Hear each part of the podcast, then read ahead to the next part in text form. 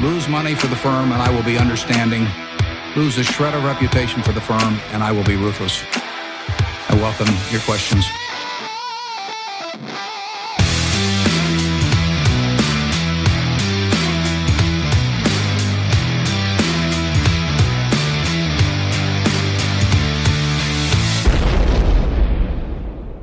Välkomna till Kvalitetsaktiepodden. Det är jag som är Ola. Ja, det är jag som är Klas. Eh, Det här är avsnitt nummer 77 som startade lite plötsligt här. Ola var inte riktigt med, men nu kör vi. Ja, Vi spelar in på onsdag den 14 oktober. Men det här kommer ju släppas tidigt imorgon bitti då, på torsdag den 15. mm, så för en gångs skull får alla de här som önskar sig ett tidigt torsdagssläpp Ja, lite och, ja då fick och, de här om veckan också och faktiskt. glädja sig åt. Ja, Ja, vi, har, vi, har, vi har lite för mycket att göra just nu. Så att, eh, vi ska ut eller och resa lite mitt i dessa corona, Oh, hemskt. i dessa coronatider. Läskigt. Läskigt, men vi lovar att eh, hålla social distans Mm. till vår omgivning. Ja. Eh, de omvända vinstvarningarna duggar tätt på Stockholmsbörsen. Mm. Eh, som samtidigt slår nya rekord då. Mm. Och det brukar väl hänga ihop lite grann va? Ja. Eh, börjar bli lite svårt att hitta nya bolag nu. När de gamla i portföljen mognar här.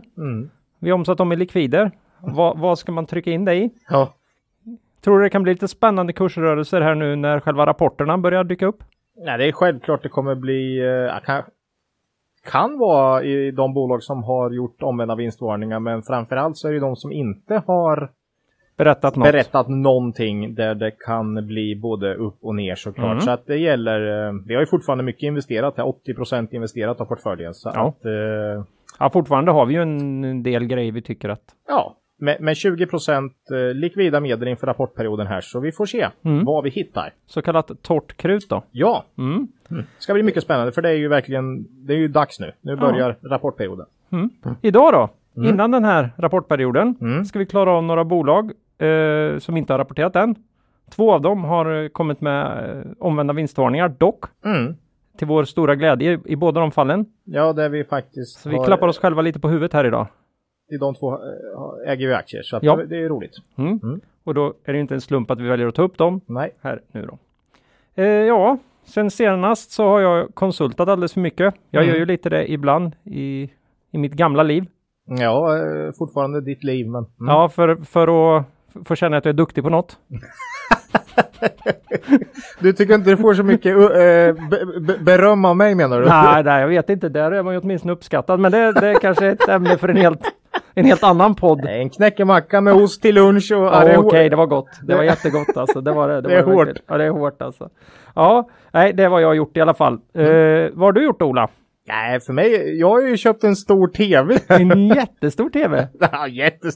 65 tum liksom. Ja. Det, men i alla fall en ny. I, i sovrummet? Nej. Nej, eh, i, eh, i ett allrum så att säga. Mm. Eh, nej, vi hade ju en plasma 16 år gammal Ja. som, som eh, la av här. Ja. Så eh, det blev en ny eh, 65-tums Samsung. Det är larvigt vad det har hänt på 16 år. ja, det är lite bättre följsamhet i den har jag Jo, förstått. och så är det så. Ja. Eh, ja, och kostar väl lika mycket som plasman gjorde för 16 år sedan, ungefär. Det är Mm. det som är så Här finns det sjukt. kopplingar till ett av dagens bolag också. Ja! Kraftiga kopplingar skulle jag tro. Mycket starka Ja. kopplingar. Så det får vi se. Så det är det jag har dit. gjort. Spelat kan- eh, Fortnite med min son och kollat på tennis bland annat. På, Mm. på den. Mm. Mm. Mycket nöjd. Kanske till och med så bra som man kan titta på bandy. Och ha, en, ha någon idé om var bollen faktiskt Nej, befinner nej nej, nej, nej, nej, nej. det kommer aldrig hända. En Nej. sån tv kommer de aldrig kunna konstruera.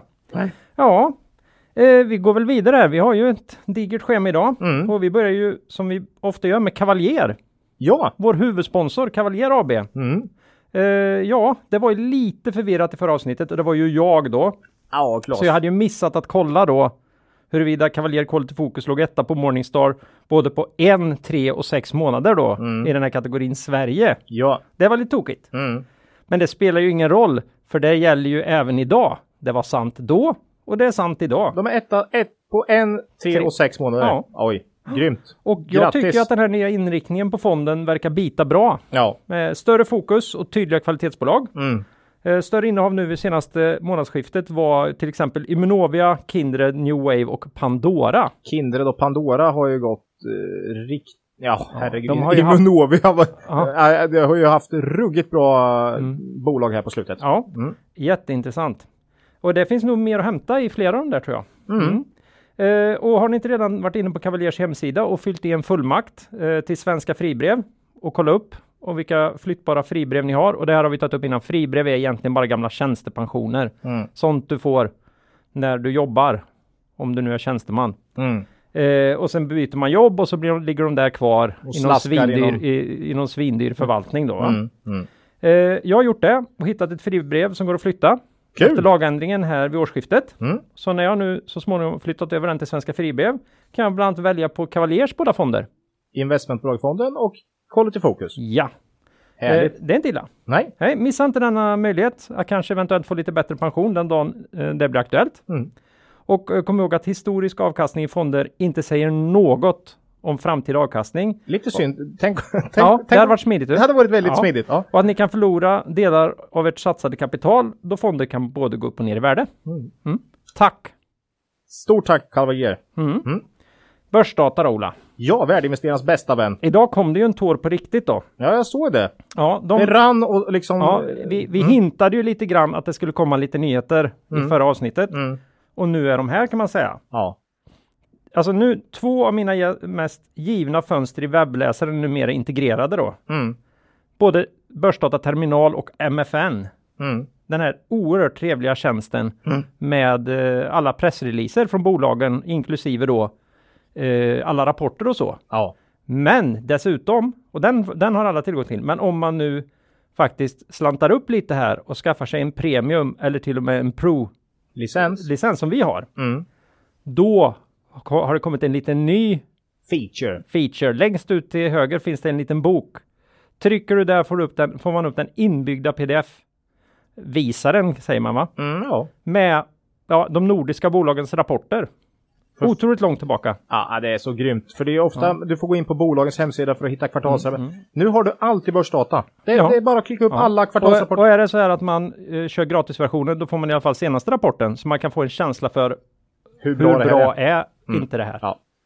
Nej, eh, grymt. Jag vet inte Ja. vilket bolag det var vi gick in och kollade på här, men det var eh, idag när vi skulle jobba med ett bolag. Men eh, Mm. fantastiskt att bara kunna ha åtta års historiskt, var det väl i det fallet. Och alltså- dessutom pressreleasen också, när jag Ja. skulle kolla Ja. insynsköp. Nej, nu, nu kan jag säga, Mm. nu är börsdata the one place. Ja. Du behöver fanken inte mycket mer alltså, eh, för att vara en, en, en, en, en bra värdeinvesterare. Nej, Underbart! det finns inte mycket ursäkter nu till att inte ha koll på historiken i alla fall, det kan jag säga. Verkligen inte. Nej, grymt, Ja. grymt. Tack, säger vi till Börsdata. Stort tack! Mm. Ja, innan vi går vidare i avsnittet vill vi påminna våra lyssnare om att aktieinvesteringar alltid innebär ett stort risktagande. Aktier kan både gå upp och ner i värde. Satsa därför aldrig kapital på aktier som du inte är beredd att förlora. Det vi säger i podden ska aldrig betraktas som köp eller säljrekommendationer. Gör alltid din egen analys av bolagen innan eventuell handel. Mm. Vi hade ju tänkt att köra lite omvända vinstvarningar här i Aktuellt. Men, vi tar lyfter det- in två av de omvända vinstvarningarna som bolag istället här och så, Mm. så skippar vi det aktuella här. Ja, Mm, det så, blir liksom ja, all, all inclusive här i, i bolagsdelen då. ja, Ja. så Fem bolag. fem bolag. Ja. Eh, I bokstavsordning som vanligt. Mm. Varav tre egna innehav här. ja, det blir faktiskt så idag ja. Mm. Mm. Kan lätt bli så här i precis i kanten på rapportperioden. Men det kan vara uppskattat det med har vi märkt. Mm. Ja, vi hoppar igång direkt då. Ja, Först ut. Elanders. Bennets lilla tryckeriverksamhet här. Som inte har varit med på ett bra tag. Senast var avsnitt 47 från den 7 augusti eh, förra året. Oj. Mm. Så det är ju ett tag sedan. Ja. Här är det ju en omstöpning till en fullfjädrad global logistikkoncern man tänker sig på sikt. Mm. Hur, hur går det Ola? Hur går det? Nej, det här är ju, jag tycker de har gjort det riktigt bra. Som jag sa då, det här avsnitt 47 senast. Mm. Drygt ett år sedan, då berättade vi mycket om eh, hur väl man har lyckats med trans- transformationen av Elanders de senaste tio åren från en sån här klassisk tryckerikoncern till ett globalt supply chain solution bolag. Va? Eh, nu låter det ju extremt stor skillnad här, men Det är faktiskt stor skillnad också. Ja. Eh, det är inget litet tryckeri längre om vi säger så. Nej, de har ju mer kompletta, kompletta lösningar till sina kunder idag. Ja, klart. eh, supply chain är ju liksom materialflödet genom ett företag från eh, råvara till slutkonsument på något sätt. Liksom. Mm. Eh, eh, det är Carl Bennett här som är storägare i eh, Elanders. Eh, och eh, de skriver själva då, bara för att fräscha upp, det är så pass länge sedan här så jag tänkte vi får Mm. ändå ta och berätta Mm. lite om vad de gör här. Elanders är ett globalt logistikföretag som erbjuder ett, br- erbjuder ett brett tjänsteutbud av integrerade lösningar inom supply chain management. Verksamheten bedrivs huvudsakligen genom två affärsområden, Supply Chain Solution och Print and Packaging Solution. Supply Chain Solution är ju där tillväxten finns nu kan man Mm. säga. 75% av bolaget är där. För man har ju köpt flera bolag här. Så man har ju gått från den här Print and Packaging Mm. eh, historiskt, som nu bara är 25%. Och där har man ju hård prispress och, och minskande volymer. Mm. Så man har verkligen stöpt om det här. Man har sett att vi kanske inte har en framtid i det här och sen jobbat för att få flytta bolaget. Mm. Vi vet ju i den här podden att det är tufft med förpackningar så länge det inte är till ägg. ja, Mm. ja de, det går ju bra. Framförallt de är liksom miljövänliga också. Ja. ja. Eh, nej, så, så att man har verkligen lyckats bra där. Eh, ja, rikt, snyggt jobb. Det är inte så lätt att, flytta ett bolag så mycket som man har gjort. Eh, men det har ju kostat i, i och med förvärv och så. Men, eh, och en del nyemissioner. Eh, vad har hänt sen sist då? Det var ju drygt ett år sedan. ja. Eh, 2019 avslutades ju med en rejäl smäll eh, vad gäller engångsposter då. Ett åtgärdsprogram för Tyskland samt eh, faktiskt historiska felaktigheter i redovisningen. Inte bra. Nej, eh, det var ett par eller något kundprojekt där som... Eh, Man hade liksom inte... nej, precis. Eh, men det var väl i ett förvärvat bolag så det var liksom inte riktigt Elanders Hade man inte gjort sin due di- diligence? Nej. Diligence. Jag kan due säga det. Jag diligence. ger upp. Due diligence. Ja. Mm. Nej, så, så, att- ja, typ. Mm. Eh, så, så att, eh, nej, 180 miljoner tror jag det var i engångsposter där. Omstruktureringar och, Men vad är, om, vad är omsättningen här? eh, ja, har inte årsomsättningen i Mm. huvudet just nu. Men, eh, Det kommer i slutet här tror jag. Ja, ja. Ja. Mm. Nej, så, så, så Men det är ju rejält. ja, det är ju ganska stort. Det var väl, eh, blev väl minusresultat då till och med. Ja, Eh, jag, det var mm. det jag försökte Ja. fiska upp här. ja, det är definitivt en kvartalsvinst Ja. som rök. Eh, det är ju. Ja, vi var ju inte, tittade ju inte på dem just aktivt just då, så jag har liksom inget minne, Nej. minne av det här. Utan, Nej. Eh, det kan inte vara ett jättelänge, ja det var väl några månader efter vi pratade om det senast Mm, då. mhm. Eh, så det var Så ju vi satte att det här såg skit, sjukt intressant ut. Nej, det sa Nej vi då, inte. det sa vi inte. inte. men, men det var, ja, så slutade 2019, ingen, Ja. inte superkul då. Ingen klang och jubelföreställning och sen kom corona. Sen kom corona ja. Ja. Så det, det är lite där. Det, är det som. Grattis Kalle säger vi. Det var ingen nöd på honom i och för sig. Men... Ja, eh, nej och det har ju påverkat Elanders här. Stor del av kunderna finns ju i Europa här då. Eh, man skriver faktiskt, covid-19-pandemin fick som förutspått en stor påverkan på andra kvartalet här. Flera av våra anläggningar i Europa och USA har körts med reducerad kapacitet med anledning av att kunderna stoppat sin produktion. Störst negativ påverkan fick det i Europa där vår försäljning minskade med 28 procent. Mm. Samtidigt gick vår verksamhet i Asien bättre än föregående år. För att kompensera för en lägre efterfrågan i Europa permitterade vi helt eller delvis närmare 2000 anställda. Det är ju rejält. Mhm. Mm. Eh, och samtidigt minskades antalet inhyrd personal kraftigt. Vi vidtog även en rad åtgärder för att stärka likviditetsberedskapen som till exempel att senare lägga investeringar och minimera ej verksamhetskritiska kostnader. Eh, kollar man på första halvåret så har faktiskt omsättningen klarat sig bra Mhm. hyggligt flat totalt. Eh, man har dock tappat marginal rejält, nästan halverad ebit.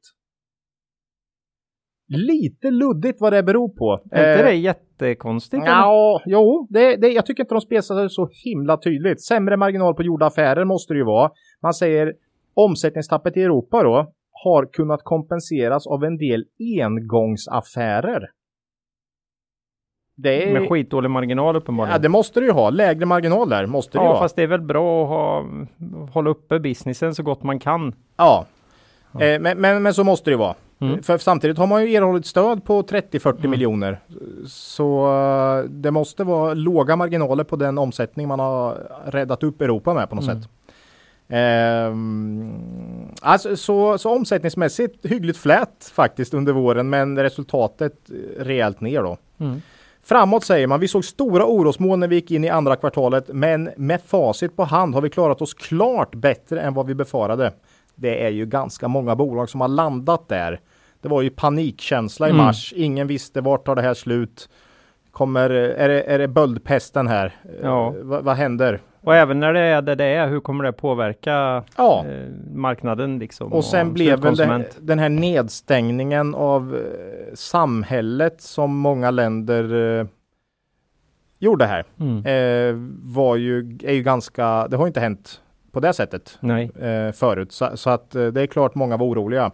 Eh, men som många andra klarar, eh, klarar sig bättre än befarat då. Krisen är inte på något sätt över, men vi har god beredskap för att kunna hantera den. Vi är nu därför försiktigt optimistiska när vi går in i tredje kvartalet. Då majoriteten av våra kunder har startat sina verksamheter igen. Mm. Eh, så eh, ja, jag tycker det låter lite positivt inför hösten här eh, faktiskt när man pratar om det Mm. Här. Eh, det blir mycket spännande att läsa Q3. Kollar man estimat på Elander så är det inte sådär jättemånga som har estimat eh, officiella, men ABG har gjort eh, följer bolaget då, Mm. uppdrag analys. De räknar med en hygglig höst, men vinst, vinst per aktie i år blir ju svag på Mm. grund av det här kraftiga vinsttappet under våren då. PE för 2020 17 kanske. Mm. Eh, för nästa år räknar dock ABG med klar förbättring av lönsamheten. Det borde ju vara fullt rimligt. Såklart. Det är ju väldigt låg Ja, relativt i år ja. Ja, ja. eh, och då uppskattar man vinsten till 8,77 kronor. Det är, det är lite högre än vad jag vågar tro på.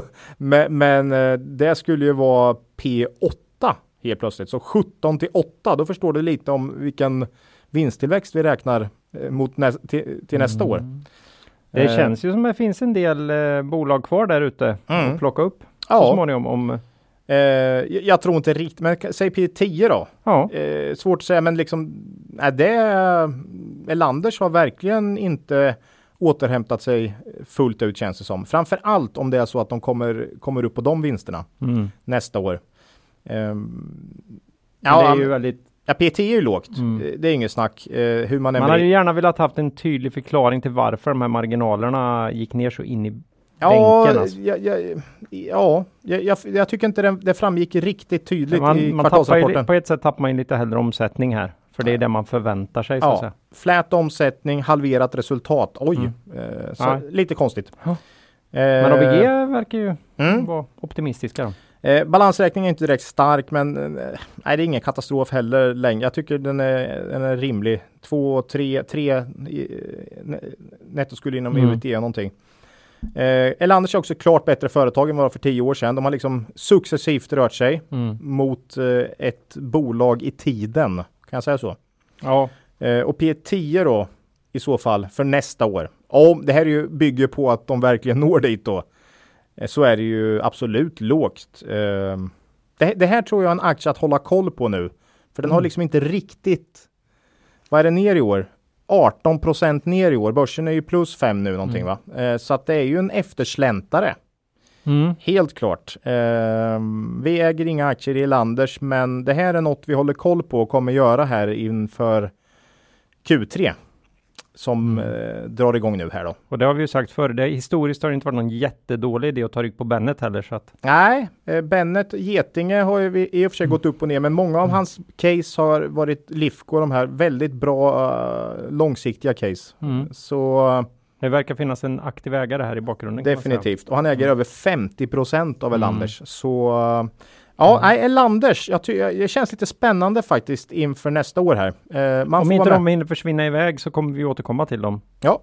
Eh, Kanske ganska snart till och med. Kan, vi får ju kolla Q3 här Mm. såklart. Eh, se hur det ser ut. Mm. Det är Eh. ju så det brukar bli här i rapportperioden. De Mm. stackars bolagen vi släpar Och där inför kan man säga- skranket inför brukar ju få dyka upp en gång till sen när vi... Ja. Jag tror inte på vinstökning i Q3. Men jag tror på en sekventiell förbe- klar förbättring mot Q2 då. Mm. Eh, så där är vi väl ungefär. Så får vi se vad de säger. Mm. Spännande bolag dock. Eller Ja. spännande aktie eh, kanske. I det här fallet, I det här fallet ja. Ja, utifrån att bolaget värderingen är- också ja. lite, ja. värderingen känns lite... ja, om de nu Lite om de, vek. om de kommer tillbaks mot, Mm. rör sig mot sina historiska marginaler igen så Mm. kan det se spännande ut. Ja, Det är Melanders äger inga aktier. Nej. Eh, vi eh, går vidare. Eh, väldigt nära här så det var lite jobbigt eh, att ordna dem i bokstavsordning här först för mig va? Elektra. Elektra-gruppen, ja. Ja. Mm. Eh, elektronikgrossist med lövtunna marginaler. Eh, det är också jättelänge sedan. Avsnitt 55, 28 november förra året var de med senast. Ja, det är också ett tag sedan. Mm. Eh, elektronik, ja, jag skulle kort säga att man är en logistikkoncern inom hemelektronik snarare. Men eh, Ja, eh, ja, de har ju massa franchisebutiker och grejer. ja, det har de ju. Mm. Eh, från Kalmar. Eh, som sagt nästan ett år sedan vi pratade Elektra. Nu är det dags igen. Eh, ska jag fräscha upp minnet lite för dig Claes så finns det ju två affärsområden här. Elektra Retail som hanterar varuförsörjning till de här anslutna Mm. butikerna. Det vill säga mer en form av logistikleverantör, grossist. Japp. Mm. Och eh, dessutom hanterar man varuförsörjning till eh, e-handelsaktörer. Sen har du Elektra Logistik och IT också logistik. Hanterar tredjepartslogistik, det vill säga Mm. där har man ju Ja, vad är det? Vi har satt eh, Halebop, massa sådana här Mm. kunder som med, Liksom outsourcar ja, sin logistik. av fysiska Ja. delarna av deras leverans. Ja, eh, till då eh, Elektra. Mm. Och dessutom har man butiksdatasystemet Smart som ligger där också. Mm. Eh, Elektra har tuffat på väldigt bra faktiskt sedan vi pratade om bolaget för cirka ett år sedan. Dock inte aktien. Den är ju minus 3% i år så ingen, ingen vidare Nej. sådär kursutveckling. Eh, men eh, det här är väl lite av en, vad ska jag säga, coronavinnare ändå får jag säga. Folk har handlat hemelektronik under pandemin helt enkelt. Eh, inget snack om det. Nej. Eh, Q3 har man ju redan skickat ut pressmeddelande för här. En, man kan kanske inte se det som en omvänd vinstvarning för de sa inget om vinsten. Men omsättningen hade de fått in tidigt och hade klart för sig. Så då skickade man ut att omsättningen ökade med 15% i Q3 och det är ju, det är ju starkt. Det är starkt. Ja. Eh, och det innebär en total omsättningsökning då för de första nio månaderna på cirka 10 eh, Så att nej, det, det är faktiskt en, sån här lite, en, en coronavinnare som inte så många har pratat om kanske. Nej. Eh, senast vi hade upp Elektra här då för ett år sedan ungefär så sa jag att samarbetet med Elon kändes lovande medan jag hade lite dåliga vibbar kring det här EM Home-projektet då. Kommer du ihåg det? Ja, det är ju EM Home helt enkelt. Möbel. Ja, möbel eh, ja, de tog över också det. franchise, Ja, fast de tog tog- över den. Man tog över det varumärket. Ja. ja. Man kan väl säga att båda mina förhoppningar här vad gäller Elon och mina farhågor vad gäller EM Home har besannats här. Mm. Det är för att du köper mer tv-apparater än soffor Ola. Och andra också kanske ja, gör det. Det Är verkar det vara det? som att inte du är ensam där. Nej. Elon ljud och bild verkar vara riktigt bra satsning skulle jag säga. Mm. Ehm, man är ju liksom, man har, Elon har velat vidga sin verksamhet från vitvaror till ljud och bild. Mm. Och då har man eh, liksom slagit sina påsar ihop med Elektra där. EM Home drar bara kostnader så här långt skulle jag säga. Eh, får inte tillräckligt snurr på det där och det här är ju inget smålänningar brukar gilla med, med kostnader utan intäkter va. Så jag äh, Och det är ju ändå ett väldigt etablerat, det är etablerade butiker, ett etablerat koncept. Ja, Det känns eh, inte så bra. nej. Eh, så jag, jag funderar på vad de kommer göra här. Det kan inte vara så att det kostar någon miljon i kvartalet utan hur länge som helst. Det brukar inte Mm. den här typen av bolag eh, gilla, helt enkelt. Vårens lönsamhet här då. Eh, för, för omsättningen har varit bra hittills, Mm. men lönsamhetsmässigt är det, är, eller vad ska jag säga, vinstmässigt så är vinsten på samma nivå första sex månaderna som förra året ungefär. Och det har tyngts av kostnader för just EM Home då Mm. och svag krona. Här är man ju en typisk sån här eh, stark krona-vinnare. Mm. Och inverterat i detta läget Ja. nu då. Eh, nu har ju dock kronan vänt rejält. Så våren var det ju inte bra, men nu borde man gynnas tydligt framåt, Mm. skulle jag säga. Eh, I och med att kronan har stärkt så mycket. Så, så det en, EM Home vet jag ju inte, det kan ju Mm. fortsätta, men just valutan tror jag inte kommer påverka negativt eh, Nej.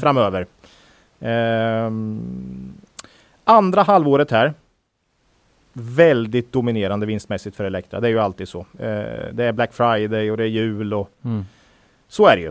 Så det är nu det avgörs. Jag är lite glad att valutan ändå hunnit vända eh, till dess. Om det nu är så att man får in produkterna, köp, inte har köpt in dem för länge sedan. Och, är du med? Mm. Eh, hittar en. Erik Penser Bank har ju det här Trade Venue som gör uppdragsanalyser och de producerar 4,50 i vinst per aktie för Elektra i år. Mm. Tycker jag känns väldigt rimligt. Eh, med tanke på att man har sett nu Q3 och det här eh, omsättningsmässigt. Ja, det är ju inte mycket kvar nu. Nej, börjar ju bli, eh, året börjar ju ta slut här. Mm. Så 4,50 då, aktien står i 45 kronor och det blir P 10. Eh, Elektra har enligt börsdata handlats till P 13, 14 i snitt senaste 10 åren. Så P 10 är ju ett, en rabatt mot det historiska snittet. Det är det ju. Mm. Man har en stabil historik med idel vinstår senaste 20 åren. Eh, Lövtunna marginaler dock, men som vi har sagt det här, de tar ju inte riktigt risken där. Utan man bara levererar ut en mellanskillnad mellan, de låser ju in Mm. en vinst mer eller mindre, lite som Ja. vi pratade e-work där va? Mm. Eh, en lite intressant liknelse faktiskt. Ja, en, eh, ja, det är en eh, spännande affärsmodell. Ja. Eh, man har klarat priskriget på den, hem, på den svenska hemelektronikmarknaden förvånansvärt bra. Det var nog många som var väldigt oroliga för tror jag vad gäller Elektra. Men det har Mm. man ju klarat bra. Nu kommer väl nästa externa hot här med Amazon. Mm. Eh, ska lansera här i Sverige. Vad händer där och vad händer med de övriga e-handelsaktörerna och jag vet inte. Många, många förståsigpåare eh, jag har pratat med eh, tror inte man ska överdriva hotet från Amazon faktiskt. Men eh, nej, svårt att veta hur stor del. Vissa länder har de, Amazon inte alls lyckats särskilt bra, i vissa väldigt bra. Så svårt att veta. Ja, det är lite stora stygga vargen. Ja, lite så. Eh, får väl se. Men, men, men det är såklart Mm. ett, ett hot som kan, eh, som kan ligga och, eh, vad ska jag säga, göra investerare rädda för Elektra. Mm. Eh, För det kan ju röra om i grytan i den svenska elektronikmarknaden såklart. Eh, som vi sagt tidigare när vi snackat Elektra så är, Elektra så är ju den fina utdelningen en anledning att många köper Elektra.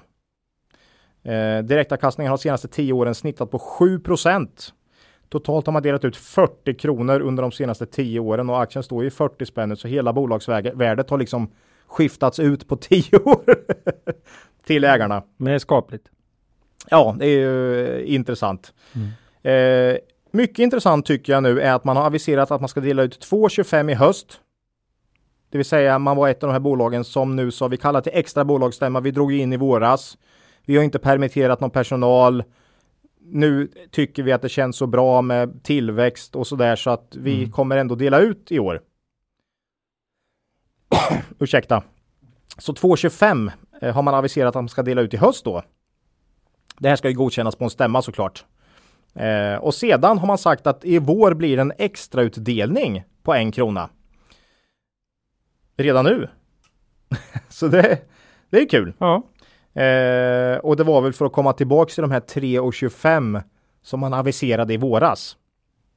Så då blir det det totalt sett. Mm. 2,25 nu, en krona extra i vår. Och jag tror det blir 3,50 i vår om jag, jämf- om jag säger att 4,50 blir vinsten i år. Så brukar man dela ut den storleksordningen. Mm.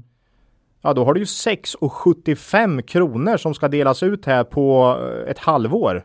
Från och med nu till april då.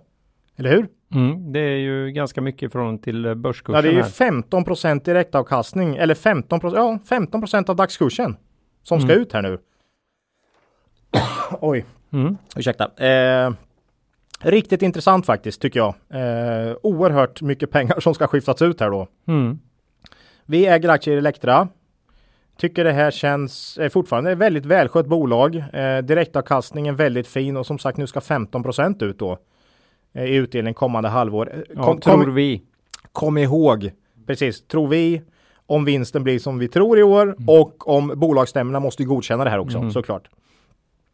Eh, risker Ja, framåt. här framgick det att vi är ju inte majoritetsägare i det här bolaget. Nej, Eh, nej. nej, nej är vi Risker inte. framåt är väl att Amazon, ja att det kan röra om i grytan. Eh, ah, och kom ihåg, likviditeten i aktien är låg här. Mycket viktigt Mm. att komma ihåg om man ska investera i, i, i Elektra. Mm. Men eh, nej, det, det är välskött och tuffar alltid på på något sätt och just nu ska ju väldigt mycket pengar delas ut här då så. Nej, vi tycker det är intressant case till P10 då. Mm. Ehm, ja, nej, vi äger aktier i Elektra. Ja, jag Mm. sitter där och funderar över det här Amazon, ständiga Amazon-hotet. Mm. Eh, mm. Nej men det är väl eh, alltså hotet består ju inte i att de skulle kunna gå in och göra så jäkla mycket bättre affärer på riktigt utan att de skulle kunna använda sin enorma förmögenhet till att helt enkelt bara döda all konkurrens Mm. och sen Och sen höja priserna. och sen höja priserna då. Mm. Eh, jag tror inte att det kommer funka så där jättebra i Europa och hålla på så. Nej, men det är ju vissa länder, eh, vissa av de europeiska marknaderna har ju gått bra, Mm. men vissa har de haft tuffare på. Så att, de lär inte ha slagit ut all, alla nej, det har de inte. Eh, elektronikåterförsäljare liksom. nej, det Ja, det är svårt Ja, det här. nej. Jag, jag, jag, jag vill inte varken, säga Jag varken tror de är eller. duktigare på datahallar än att kränga tv-apparater över nätet i Sverige. Men eh, vi får Mm. se. Mm. Vi får se vad som händer. Vi får se. Ja. Eh, det om det. Ja, Elektra kanske kan ta över logistiken för, för Amazon. ja. Ja. Nej, men vi äger aktier här igen ja, och eh, ser framtiden an med tillförsikt. ja, det gör vi. Så är det. Eh, Kom ihåg som jag sa, likviditeten i aktien är låg så mm, Mm. Det går ju att bli riktigt man kan bli fast där ja, om man... Om man instängd här. Ja. Mm. Vi hoppar vidare. mm. Eh, Inwido är ju ett bolag som har Ja, det var inte så länge. Det, det, det är frekventerat det var 6 augusti avsnitt eh, 72. mm. Och jag har skrivit idag att det här är fönster och eh, kvalitetsfönster och dörrar till ditt coronaprojekt. Ja, Mm. det här är en aktie som inte har gått dåligt i år då. Nej, det har jag inte Eh, gjort. Plus 41 procent i år, vilket vi inte är så missnöjda med då. Nej, Vi är dessutom upp 100 procent då i och med att vi köpte som alla vi, som lyssnar på podden frekvent eh, vet att vi köpte här i, i våras. När eh, hela börsen var, det var lite deppigt där ett tag. totalslaktad. Ja, ja nej. Mm. Eh, vi köpte väl eh, på 50-55 kronor och aktien står väl i 105 nu. Mm. Så eh, mycket trevligt Inwido. Eh, och vi äger fortsatt våra aktier här. Ja, vi är inte riktigt nöjda. Vi är inte nöjda efter 100 procent. Nej, och, och, och Mm. vi brukar ju säga det, det, har ju, det är inte själva avkastningen som vi sätter begränsningen Mm. i, utan det är ju när vi tycker att bolagets värdering är för hög. Är rimlig utifrån Ja, då, vad vi förväntar Ja. oss att bolaget ska leverera i vinst per aktie Ja. och vad vi tycker för multiplar som är. då säger, säger vi. Men eh, vi tycker inte Mm. Elektra har, är fullvärderade eh, i dagsläget faktiskt. Ja, man kommer med en omvänd vinstvarning här då. Eh, Inwidos resultat för det tredje kvartalet 2020 förväntas överstiga marknadens förväntningar väsentligt. Mm. Eh, skickar man ut här. Eh, enligt de preliminära siffrorna så är resultatet i Q3 drygt 20% bättre än föregående år. Man säger att det är konsumentförsäljningen. Föga förvånande. Jag, är- jag sitter där och är chockad. Ja, eh, och god kostnadskontroll. Såklart, alla har ju dragit... Eh, ja, allt har väl... Företagen har väl haft mindre kostnader. I, Det är väldigt sällan man ser den här dåliga kostnadskontrollen när det är vanliga. eh, liksom, Vi vill i huvudsak skylla det på dålig, nej då är det marknader och vi- valutor. vi- vinstvarning, och dålig kostnadskontroll. Ja, ja. Nej, Nej, så jävla dåligt. Nej, jag tror att de har sålt mycket fönster och dörrar ja. helt enkelt. Eh, Mm. Och det är ju också, också så att den här konsumentförsäljningen har faktiskt bättre marginaler än de här eh, där man säljer till företag. Mm. Men har man, har man permitterat? Jag tror inte det. För Jag det tror- är ju... Jag, Ja. vet, jag, vet, jag vet inte. Eh, man hade ju nedstängda eh, anläggningar i ett antal länder, men om man permitterar vet jag inte. Nej. Nej, för det är ju lite hur man hanterat den typen av situationer Mm. att, att i, i pandemin. Det, det tycker jag är helt okej då att säga god kostnadskontroll. Mm, Om man har kunnat rida ut de stormarna. Alltså. mm, Så mm. det, Ja, men jag tror definitivt god kostnadskontroll Mm, här, definitivt. men eh, mm. hur mycket man har eh, permitterat vet jag faktiskt inte. Nej. Eh, nej, men det känns ju som rimliga förklaringar. eh, Mm. Så är det ju. Omsättningen dock inom citationstecken bara upp 3% här, så lite om omvänt eh, Elanders här då. Mm. Eh, omsättningen hyggligt flät men vinsten rejält upp. Och det beror ju på att det förmodligen här då, eh, man spesar ju inte det, men man säger konsumentförsäljningen. Mm. Så jag antar att Bättre kons- marginaler. konsumentförsäljningen har bättre marginaler. Eh, online, folk har beställt hem. Eh, vilket gör att eh, lönsamheten har gått upp. Eh, men det borde också innebära att kanske övrigt har tappat lite då. Den här industriförsäljningen möjligtvis och så. Mm. Eh, med de här preliminära Q3-siffrorna så ligger man nu på cirka 8,50 i vinst per aktie för de fyra senaste kvartalen. Mm. Eh, alltså om jag räknar ut vinst per aktie utifrån det här pressmeddelandet då för Q3. Mm. Eh, och som, om jag dessutom tar bort den här stora nedskrivningen man gjorde i Q4 förra året. Det låg ju en nedskrivning på 25 miljoner där. Ja, det är ju återkopplat till vad vi alltid pratar om att det här är väl enda enda vi gör lite extra ovanpå börsdatas data att vi har ju vi tar oss rätten engångskostnader. och, och, och bollar runt engångskostnaderna för att kunna Mm. ha lite bättre koll. Särskilt stora engångskostnader kan ju vara bra att Mm. försöka hålla koll på. Men jag ska också säga att engångskostnader som bolagen spesar inte alltid jag skriver in som engångskostnader. För i vissa, till slut, om, om det kommer ja, men om engångskostnader. återkommande. ja, då, då, Nej. som Elektra, de här grejerna för EM Home. Mm. De satte, skrev jag upp förra året. Men i år har jag bara tagit det rakt av. För att, ja, det verkar ju vara så de jobbar. ja, så då blir det ju en kostnad. De gillar att förlora pengar på möbel. Typ. Mm. Eh, men här var det en tydlig engångskostnad. Så då är alltså 8,50 i vinst per aktie för de senaste fyra kvartalen. Mm. Alltså re- redan redovisad vinst. P12 på, på dessa siffror. Det är ju inte högt. Och jag tror ju ändå på ett att 2021 kan bli bra. Mm. Ehm, kanske förvärv kan vara på gång. Det är inte så här att de här senaste två årens resultat har eh, försämrat balansräkningen. liksom det är klart det har gjort jättebra för, för deras skuldsättning. Mm.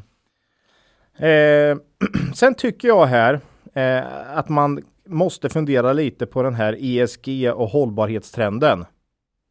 Eh, det snackas ju mycket om den här. Det är oerhört mycket fokus på klimat och miljö inom investeringar för närvarande. Och man måste ju fundera. Jag tycker varför är det så? Du jag har också pratat om det. Ja, del. jag, går- jag går ju omkring och bara säger systemär ibland och så skrattar jag och så går jag vidare liksom. Ja, Systemär har ju plötsligt blivit ESG-bolag ja, va- och, och handlas. Nu har jag inte varit inne och tittat. P40 men någonting. P40 var det ju häromdagen i alla fall. varför, Från, väljer från ma- ja. varför väljer marknaden ut bolag som Nibe, Systemair och Garo men Mm. inte Nordic Waterproofing? Eh, Eller, Eller. Inwido? Mm. Eh, är inte isolering av hus eller energieffektiva fönster en miljöfråga så gott som ventilationstrummor och Mm. alltså hur väljer de ut Gar, hur väljer de ut de här? Varför ska, varför ska Nordic det- Waterproofing och Inwido ha P mm, 10 till 15 och de andra P 40 50? Mm. Nej, helt plötsligt så är väl uh, ofattbart nog så är ju inte Garo och och Systemair Bygg längre. Även om det är dit de levererar Mm. typ allt. Mm. Utan Garo är ju Garo är ju Elbilar. El, elbilar och laddstolpar. Mm. Och Systemair är ju Ja, nej, den är ofattbar. Ener, det är energieffektiva de är en- byggnader. ja, ja, men, energieffektiva men det är precis som Inwido och Nordic Waterproofing. Nordic Waterproofing lägger eller är det mer high-tech tycker man? Eller? Ja. Vilket, vilket det absolut inte är. Nej, jag tycker Ett, ett modernt fönster är ju oändligt mycket mer avancerat än, än en, en kanalfläkt. Liksom.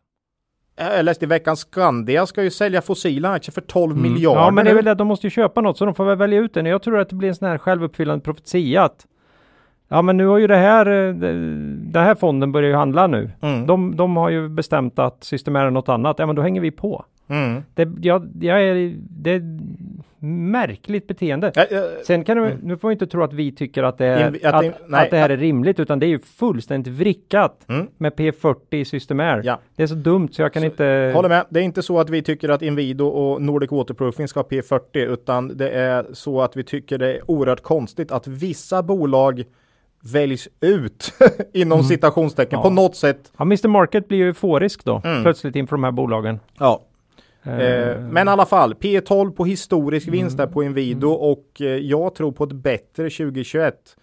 Det är inte dyrt helt enkelt. Eh, så vi äger fortfarande, alltså vi kommer inte sälja så länge bolaget och det här är efter en uppgång på 100 procent. Ja, sen vi köpte. Mm. Eh, man släpper den fullständiga rapporten på onsdag nästa vecka. Så då kan man ju läsa. Då får vi våran kalldusch med den här Ja. nya stora avskrivningen. Nej, Ja, nej, men hade det, det spesar man till och med. jag vet, Hur jag mycket vet, det var. vet. I 7 miljoner i Ja. engångs. Ja. Sen har man kapitalmarknadsdagen den 5 november också. Mm. Så där kan man anmäla sig till och eh, lyssna på Invidos VD. Mm. Eh, nej, vi, vi rullar på med Invido faktiskt. Eh, bra bolag tycker jag. Eh, hoppas de kommer med ett förvärv snart. De gör ju selektiva förvärv och som sagt balansräkningen är ju, blir ju bara starkare och starkare här så att eh, mm. eh, ja. Vi har inte sålt. Ja. Nej. Och de är också på båda sidor av det gamla uttrycket när Gud stänger en dörr så öppnar han ett fönster. och de är liksom heltäckta där. Det, ja. det får man inte glömma bort. Nej. Det får man inte glömma bort. Mm. Ja, eh, nej, jättekul naturligtvis och uh, vara med på den här resan. Välförtjänt för mm. Inwido också. Mm. Eh, bra jobbat helt ja. enkelt. Eh, och lite corona eh, eventuell vinnare där då. Ja. Eh, men samtidigt de har nog tappat i vissa segment också. Ja. Så att, ja. Mm. det är kul, märker ju i inkorgen in, in, om inte annat att det finns en del lyssnare ute som gjort sin egen analys och hoppade på Inwido mm. här också under våren. Mm.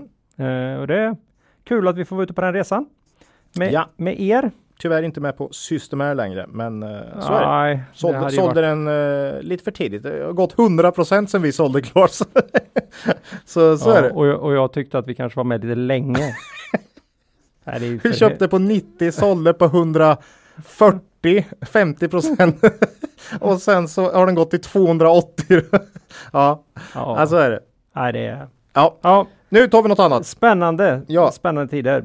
And now for eh, something completely different eh, som Monty Python. Man with, ja, mm. precis. Mm. det är ju bekanta ansikten här idag i podden. Jo, men om Kindred. Vi, ja, tog vi med omvända vinstvarningar ja, här så Det här är något slags bettingbolag. Mm. Jag tror vi kan ha tagit upp dem någon gång tidigare i podden. Mm. Jag vet att vi, att vi med all säkerhet gjorde det den, i avsnitt 72. Också den, alltså samma som vi var på Inwido senast. Mm. Men det här är ju roligt Ola. Ja, vad jag då inte visste vid avsnitt 72 var ju att de skulle släppa omvända vinstvarningar samma dag här. det, men eh, så blev det. Nej, mm. Inwido på kvällen faktiskt. Enligt det här MAR, marknadsmissbruksförordningen, ja. så måste du göra det så fort du har information. Du, du ska liksom inte vänta till morgonen där utan Inwido eh, kabla ut det på kvällen och eh, Kindred på morgonen där. Ja. Eh, det här, om, om Inwido var bra så var det här långt, långt bättre än vad jag hade väntat. Det var så sjukt över mina förväntningar. Mm. Eh, och det blev vi lite besvikna. Vi gillar ju att ha... Ja, ha rätt ja. Alltså det var lite så här... Att vad fan är det här? Ja, vad är det här? Mm. Nej, men så jag försökte liksom dissekera pressmeddelandet där då. Mm. Omsättningen plus 24 procent, eh, såklart jättebra. Antalet aktiva plus 19. Ebit-marginalen fördubblades jämfört med förra årets Q3 och var också klart bättre än Q2 här i år. Q3 förra året, om vi ska vara helt ärliga, var ju ingen höjdare dock. Eh, det var ju både eh, svenska regleringen som drabbar dem där hårt där. Mm. Eh, Holland hade ju börjat få negativa effekter när man slutade helt marknadsföra sig eh, mm. och rikta sig mot kunder där för att få en licens senare. Och dessutom hade man, investerade man ju ganska tungt i USA utan att ha någon... Få något tillbaka för det? Ja. Uh, de, uh, UK körde ju en ganska rejäl, uh, ja. re, rejält re, regleringssvep de med. Mm. Jag kommer inte ihåg om det drabbade Kindle Nej, så mycket. Det var mer Leo Vegas. Ja, mer Casino ja, var det väl. Ja, det var och, så. Kindred är ju hård. Mm, mm. Är ju Nej, Q3 var ju inget kul för branschen förra året. Förra året Nej. alls. Så, så, att, men jag hade inte trott att det skulle bli så dåligt. Men jag, jag, jag, trodde inte det skulle bli så här bra. Kan man säga. Eh, och jag tänkte först, aha, sp sportpunktsmarginalen har varit jättebra här då. Mm. Eh, men så var det inte heller. Eh, den var nor nah, normal till lite svag faktiskt i Q3 här. Så att det var inte massa flytvinster här liksom. Eller skräll. Den... Ja, det kanske ja. det har varit, men Kindred... Det har det ju varit ändå. Ja, men Kindred har tydligen över, som helhet har de inte, har inte sportsportsmarginalen varit särskilt bra. Nej. Ja, inte dåligt, men lite sämre än snittet liksom. Eh, däremot måste man säga att det har funnits exceptionellt stort utbud av sport under Q3. Eh, det har ju hela tiden funnits nya evenemang. Mm. Eh, och det här är ju uppdämt från våren och Q3, eh, juli, augusti brukar inte vara så stora sportmånader. Nej, man har ju fortsatt att spela hela jäkla sommaren ja, överallt. Och dessutom avslut på de här ligorna. Mm. Eh, så att man förstår att omsättningen har varit bra. Mm. Eh, det är ju inget konstigt att den har varit väldigt bra. Eh, man säger också att marknadsföringskostnaderna ligger bakom lite av den här eh, extrema vinstuppgången då. Men kollar man det så var det ju 21 procent av, av omsättningen Mm. eh, mot historiska 23. Så det var inte så här att jag tyckte att det var liksom... Det är inte så att de har slutat med marknadsföring Nej, direkt. men liksom det, det lät på dem som att eh, det, det är inte ex- exceptionellt lågt på något Det här sätt. är ju det här är vad andra skulle kalla bra kostnadskontroll. Eh, ja, precis. Mm. Så jag, jag, jag skrev faktiskt här, spontant skulle jag säga att det starka resultatet beror på omsättningsökningen. Mm. Såklart. 24% upp gör ju mumma för, eh, för marginalerna. Mm. Och tillsammans med god kostnadskontroll. Nej. Och då nej. är det ju övriga rörelsekostnader, alltså inte, inte bara de här marknadsförings Utan hela... utan hela. Eh, Jag antar resor, man gick Ja. över och köra hela kontoret digitalt sa de ju i, mitt där i epicentrum i april Mm. kommer jag ihåg. Så att ja, man, allt blir väl lite billigare för företaget om folk inte är på kontoren heller och reser. Mhm. Kanske. Eh, I år gissar jag på vinst per aktie på 0,5 pund per aktie. Man har ju pund. Mm. Justerar man för vårens engångskostnader, man fick ju den här boten till Svenska Spel mitt i epicentret här i, i corona, kommer du ihåg? Ja, det var Eh, vältajmat. 100 miljoner i bö- Det var det mest, det var det Mm. sjukaste. Juster, de, de är inte förresten beslutade än. Så där skulle man kunna få tillbaks då de Mm, pengarna. Men det kan ju inte bli värre. Det kan inte bli värre, utan man har Ja. redan bokat upp det där som en... Vi tog ju det i podden efter där. Mm. Att förmodligen var det här, det här måste vara botten Ja. av botten. Och det var ju, aktien var ju, åh vad den rasa och alla sporter är borta och då klämmer Shakarabi in med 100 miljoner. Det, det var, Ja. Ja, det var, det var liksom, men de det har- tackar vi för. Det tackar vi tackar för. vi extra mycket för. Ja, ja. Justerar man för engångskostnader här i våras, de hade någon nedskrivning också, då borde vinsten i år bli 0,6 pund per aktie. Det är 6,8 kronor per aktie med dagens pundkurs ungefär. Mm. Aktien står i 77 kronor, 77 genom 6,8, 11,3. 11 i PE för ett digitalt bolag som växer globalt. Inte med eh, bara glitter och glamour såklart. Det är ju Tyskland här, ska jag reglera. Eh, Holland vet man Mm. inte, men jag tycker fortfarande 11. Det är, det är lågt för, för Kindred. Mm. Eh, Som också är mycket fin betting då. Ja, sport, stå, stark sportbook-leverantör och, och, och dessutom jämför man med värderingen på de här amerikanska bolagen samt hur man Mhm. satte den här värderingen på William Hill nu. Ja. Eh, när, man, när Caesars la bud så är det ju, det är ju det är exceptionellt stor skillnad. Mm. Ehm, risker som vanligt, alltså, jag har sagt det flera gånger, eh, regleringar, statliga regleringar. Dock, desto mer globala de här bolagen blir, desto mindre borde de här enskilda länders politiska utspel drabba då egentligen. Om det, det är ju väldigt jobbigt N- när Sverige reglerade och du som Leo Vegas har halva omsättningen. Det är klart det påverkar. Men desto mer globala de blir, desto, mer, desto mindre blir de här enskilda ländernas nyckfullhet. Eh, påverkar ju det resultatet då. Eh, och sen har du det, ja, nej, jag, jag, jag, jag tycker P11 är för lågt för för Kindred. Vi äger fortfarande våra aktier här. Vi, får, vi säljer inte dem. Eh, och eh, ja, får se vad regleringarna gör nästa år. Men samtidigt har du hela USA grejen där man växer Mm. bra och övriga marknader tar man ju på. Eh, så att ja, vi äger fortfarande Kindred. Mm. Tycker det känns för billigt. Ja, Mm. det vart ju... Har också det var varit en bra investering. för, förra fredagen var inte jättejobbig kan man säga. Nej, För oss. så är det ju. Nej. Eh, kul. Det var... Ja. Mm. Ja, och det har ju varit payday. extremt mycket omvända vinstvarningar. Academedia Mm. eh, till exempel, eh, Bufab och Gränges, många som har eh, lämnat omvända vinstvarningar och mer kanske det kommer. Mm. Mm. Det får vi se. Mm. Ja. Nu har vi kommit till en sån där punkt igen Ola. när det är dags för våra lyssnare att gå och ta en kopp kaffe istället och komma tillbaka. Eh, jag ska lite snabbt. Vi utlovades ju här Mm. att eh, jag skulle titta, eh, komma med ett bolag. Mm. Det borde jag kunna gjort för länge sedan. Du har ju fiskat upp en, en, en gammal eh, Goding. En gammal goding som vi pratade om i poddens begynnelse. Ja, här, avsnitt 29, 15 november 2018. Mm. Eh, vi pratar om bemannings och rekryteringsföretaget NGS Group AB. Mm. Och då har jag skrivit här, där, eh, deras lutning på omsättningskurvan de senaste fyra åren får då vattnas i munnen endast på Skistar-investerare som gillar att åka utför. Ja, nu var du taskig alltså. Jag har lyssnat mycket på Flashback Forever här vet du. Eh, Nej, nej, ja, det, det, och, det, det här, det här, börsen har ju inte, det hållet säga, börsen har inte riktigt den har liksom, det, det, NGS är inte direkt eh, kärleksbarn nummer ett just nu. Eh, nej, så, så nej inte, inte efter det här, inte den här performancen. Nej. Eh, samma väg har ju vinsten gått då sen piken i Q4 2017. Mm. Det är ett väldigt litet bolag på small cap. Mm. Omsättningen då är ungefär eh, 480 miljoner SEK Mm. och börsvärdet är på 130. Mm. Så det är ju, det är inte stort. Nej. Eh, de hade svåra utmaningar i marknaden redan innan corona Mm. och våren har inte gjort det lättare för bolaget här. Och de särredovisar ju inte längre hur omsättning och intjäning fördelas, varken på sina olika ben som är eh, uthyrning eller, och rekrytering eller sina olika branscher. Nähä. Och eh, branscherna är ju då, för, som recap här då, eh, det är vårdbemanning, sjuksköterskor, läkare, specialistsjuksköterskor, regioner, kommuner. Psykiatriker också. Ja, ja, ja. All, allt möjligt. Mm. Vårdpersonal inom skolan har de där också. Mm. Eh, bemanning av socionomer inom socialtjänsten är ett annat ben. Eh, skola, lärare, förskolepersonal. Ett, ytterligare ett. Specialister inom bank och finans.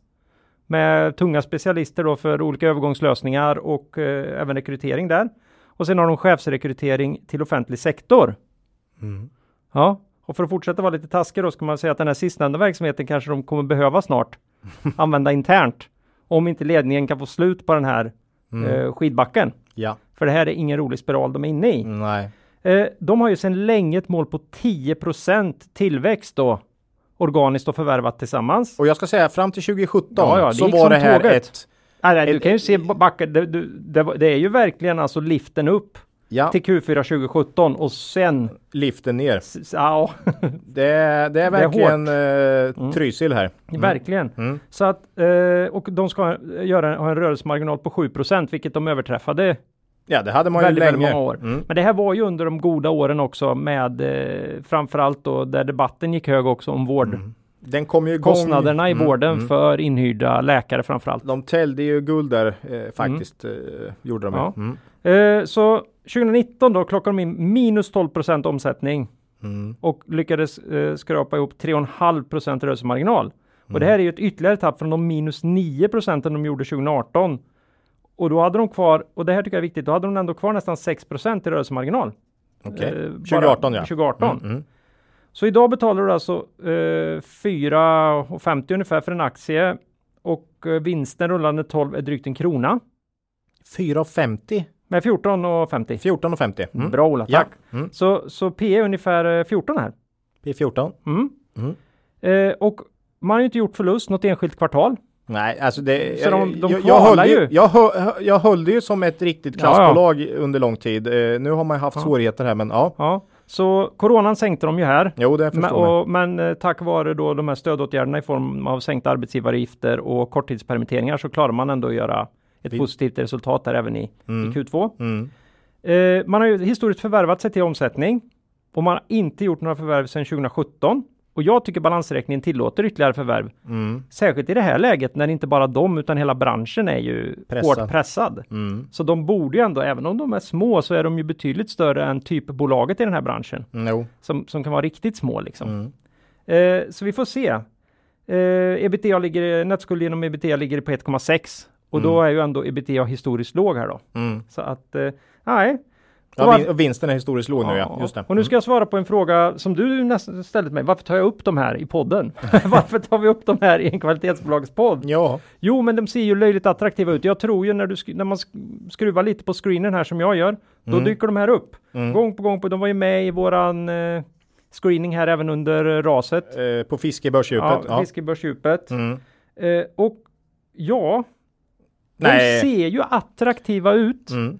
om de bara det skulle räcka med att de kunde stabilisera det här, Mm. det här blodbadet. Ja, P14 på en fullkomligt slaktad vinst Ja. är ju inte så dyrt. Kommer de tillbaks så är det ju klart ett eh, jättefynd här. Ja, Eh, för, jag, för jag tänker så här då, om, de- om de skulle kunna Ja, omsättningen kanske de inte behöver rädda upp så mycket. De säger också att de tappar omsättning på grund av att de inte tar de här lågmarginalaffärerna Mm. på, inom, det har blivit hårdare konkurrens Mm. eh, på personaluthyrningen då. Så att vi säger att de tappar en mil, eh, 100 miljoner här och, och från förra året och kommer in på 450 Mm. på, på året här. Mm. Och sen kanske de kan upprepa det igen under 2021. De får inte tillbaks någon omsättning? Nej, från- från det är tapp- tufft här. Okej, okej. Eh, kanske de till och med behöver ett billigt förvärv för att greja det. Mhm. För du, alltså skidbacken är ju brutal här. Oj, oj. Ja.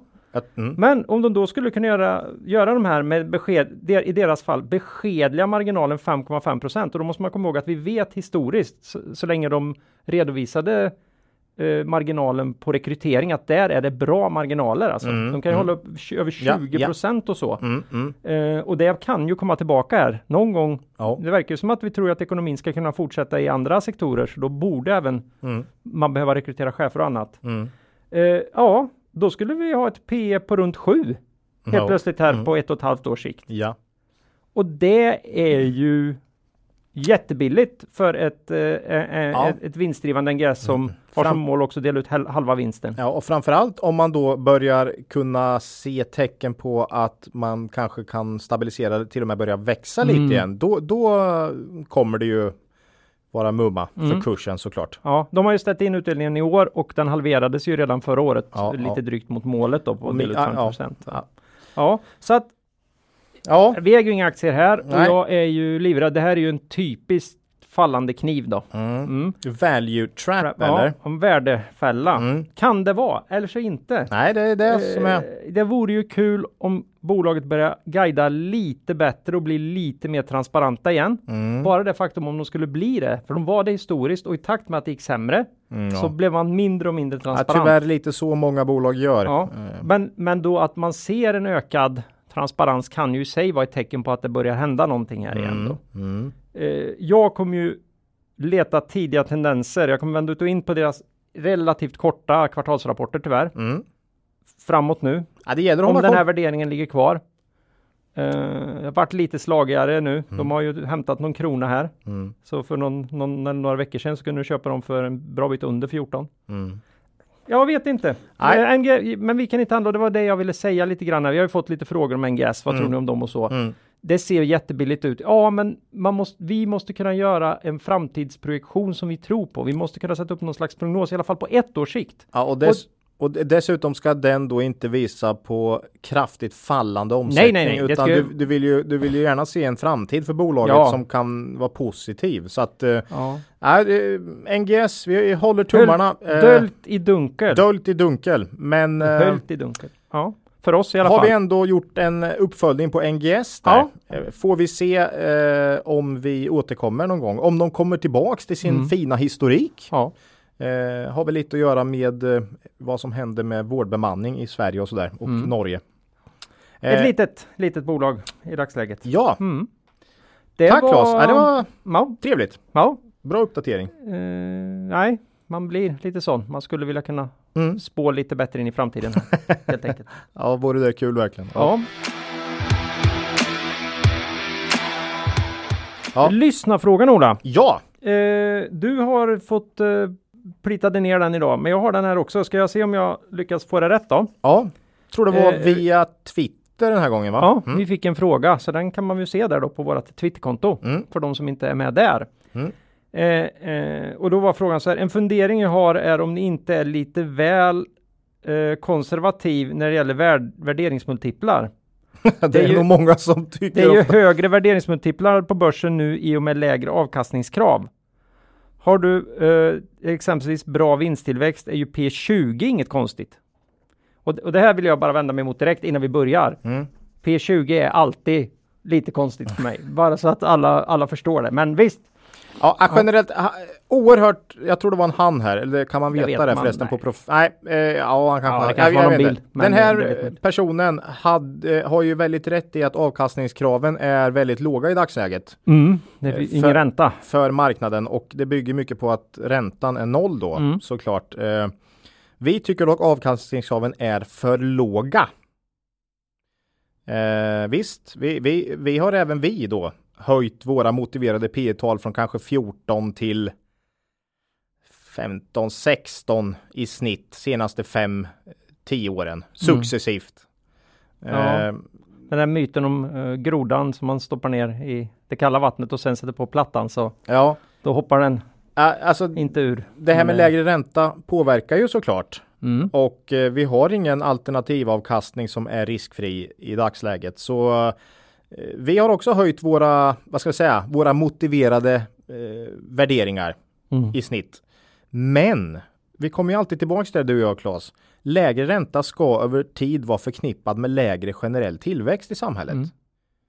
För enda anledningen till att du sätter P20 på något är att du förväntar dig att de ska kunna fortsätta att växa då omsättningen med Mm.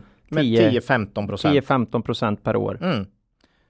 Men och, och, om, om det ska vara generellt i ekonomin att tillväxten ska vara hög, då kan man ju inte ha nollränta. Alltså det är ju den, de här stimulanserna som hela tiden stimulerar ekonomin nu. Det gör ju att tillväxten hålls uppe hyggligt. Mm. Men nollränta och hög tillväxt i samhället Över lång tid. över lång tid ser inte vi som, det är Nej, inte det måste, förr eller kompatibelt. senare blir det hyperinflation. Ja, Förr eller senare måste ju någon kolla vart, kom, vart kommer alla de här pengarna ifrån? Liksom? Mm. Så när vi ser, okej, nollränta. Mm. Men då måste vi säga att tillväxten framåt generellt måste vi tro på kommer vara lägre. Mm. Eller hur? Och då, då, Och då vi säger vi att- igen. Ja, och då säger de, ja men avkastningskrav 4 nu. Ingen riskfri, men eh, riskpremie 4 eller 5% eller vad det är.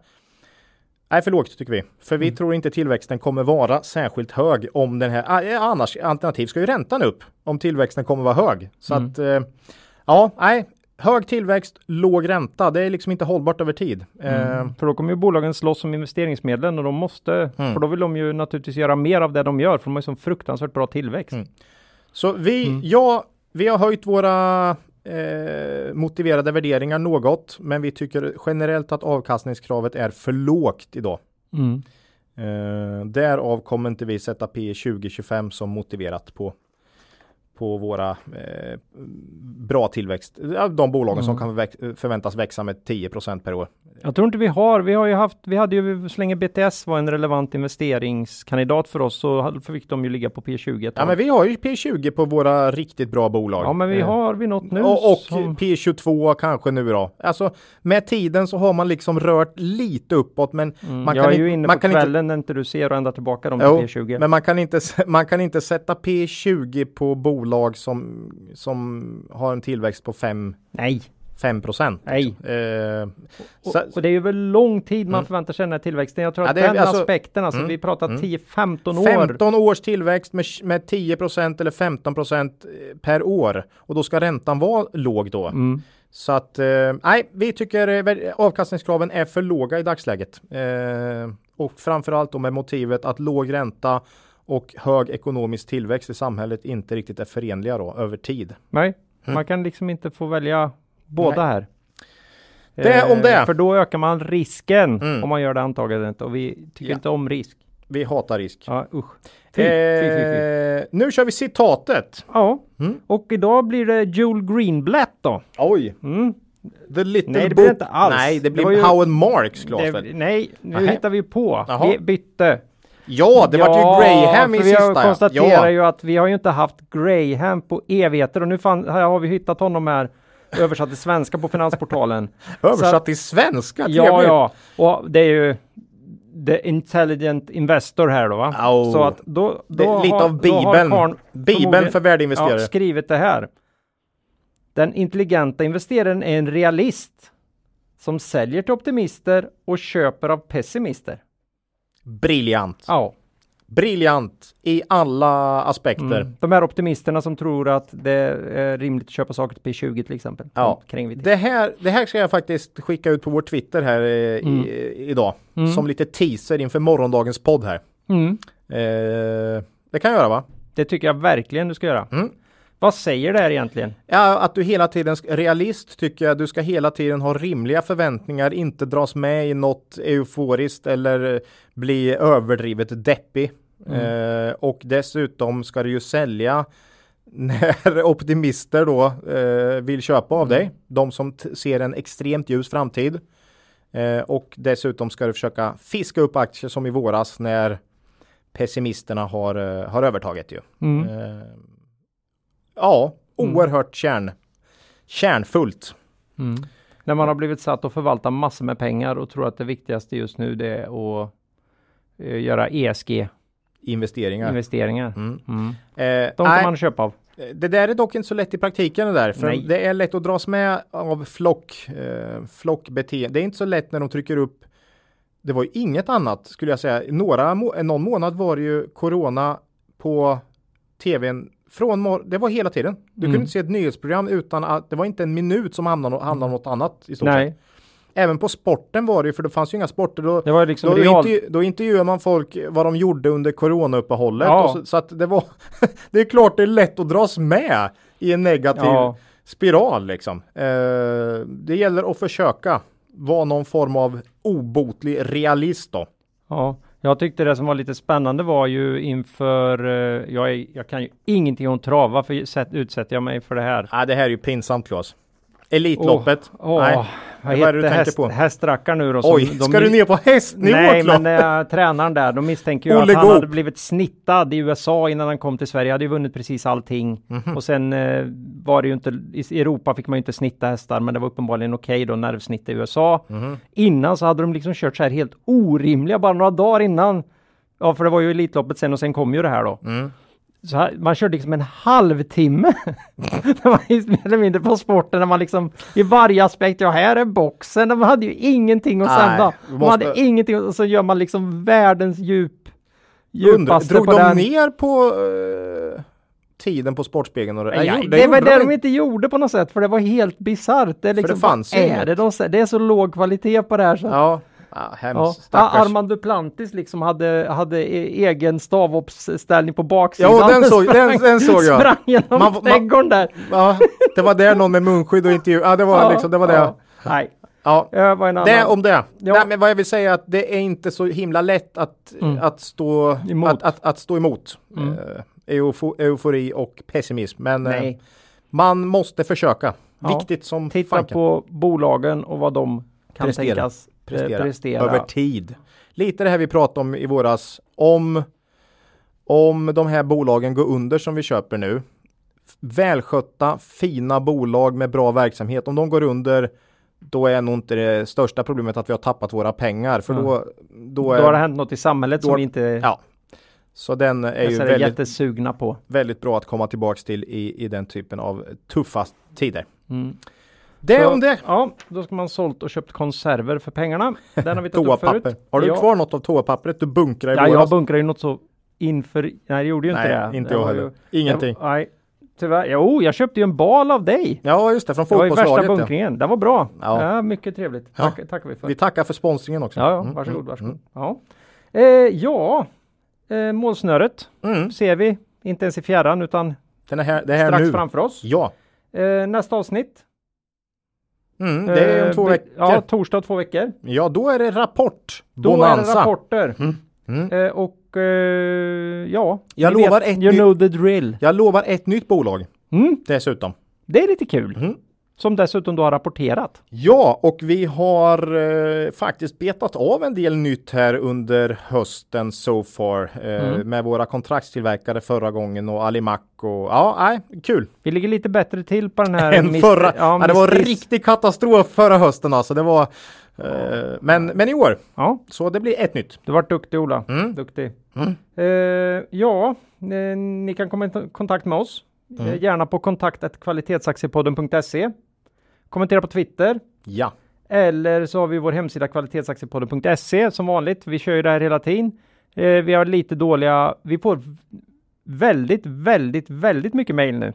ja Och jag tror att det är lite, det är ganska mm, hett där ute. Det är Mm. mycket, många tänker på aktier Mm. och sådär. Och, eh, vi hinner inte riktigt med. nej, vi hinner inte alls med eh, i dagsläget och eh, hoppas inte folk blir besvikna om eh, man inte får eh, svar eh, nu då. Ja, och samtidigt de här grejerna som är där man vill ha ett väldigt, väldigt snabbt svar. mm. Det kommer ni inte få något bra svar ändå, för vi kommer inte hjälpa er med er egen analys mer än vad vi gör i podden här. Så att, Nej, och, och är det bolag man önskar, det är inte alltid Mm. vi ens skulle hinna innan de nej. Eh, blir aktuella. Så att, Eh, eh, men vi försöker vi försöker. och vi uppskattar alla mejl. Ja. Definitivt. Mm. Eh, ja, eh, något riktigt eh, makro eller TA värt att ta upp i Ola? Nej, tycker jag inte. USA-valet och sånt är inget vi bryr oss om. Ja, ja, jag har en liten grej. Jaha, Ja. USA-valet? Nej, jag har upptäckt en ny sport. Ja, okej. den heter paddel. Har du hört talas om Så den? ny är den inte. Jag testade ju lite med familjen i somras. Ja, Och så körde jag en riktig vuxenvariant i lördags va? Ja, svinkul. Mm. Ja, det är Skoj att känna att jag är först på bollen här. Och att man liksom för en gångs skull, för en gångs skull. Nej, det är ofattbart. Jag inte har kunnat Nej, men jag eh, upptäcka det. Men det det, var ju sport, jätteroligt. Mm, ja, det det var ju jätteroligt ja padel. svinkul. Håller med. Ja, till och med jag. Mm. Jag Nej, tror roligt. att det spelar nästan ingen roll vilken bollsport man hållit på med historiskt. Så har man liksom ändå en... Det är inte så jä... Tennis och sånt är så jäkla svårt Mm, och badminton och de här grejerna. Men här är ju underbart. Ju hårdare motståndaren slår desto lättare kommer den ju tillbaka från väggen igen bara. Bara skicka tillbaka den igen. Ja, det är kul. Ja, Jag gillar det. så att eh, det, vad är min, det är min omvärldsanalys här att det finns en ny sport i stan. Härligt. Och eh, ni kanske inte har hört talas om den innan. Har du köpt rack? Ja. Nej! Jo. Oj! Jo Oj, då. är, är det så pass? Okej. Ja, Mm, kul. han har ju sitt rack. Han har ju sitt wack. Det är Ja. ju den här galenskaparna va? Ja, Han ja, som ska... eh, Göran ska spela tennis. Han har ju precis fått Nobelpriset. Ja, i, i kemi. Han har ju forskat lite på sin fritid. Ja, Ja, det gör han. det, och då säger han det är vad Mats Wilander tjänar på dubbelfel. Ja, ja. Eh, är så är hårt. det. Det är hårt. Ja. Det är jävligt hårt. Mm. Ja, nej, eh, skämt åsido, men eh, ja, det är så jag... Härligt! Paddel! Det- ja, Idrott är bra. Hur har vi det med eget ägande idag, Ola? Jo, vi Kindred såklart som vi Mm. sa. Eh, Invido och Elektra då. Mm. Är ju eget ägande idag. Mm. Mm.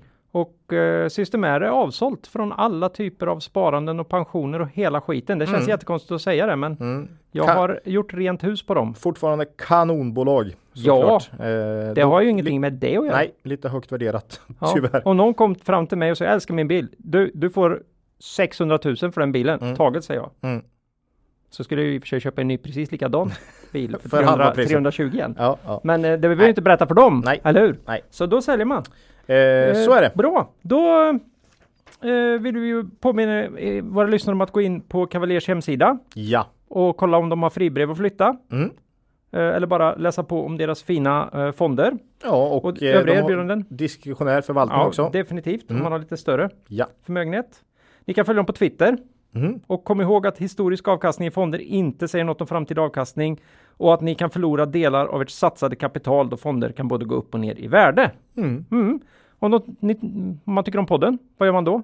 Ja, då eh, ska man ju lyssna menar du, eller vadå? Ja, eller stötta oss. Man kan gå in på vår hemsida och Ja. titta under fliken stötta oss. Mm. Om man Precis. vill. Om man vill. Ja, Ja. kan man. Ja, med det säger vi hej då för den här gången.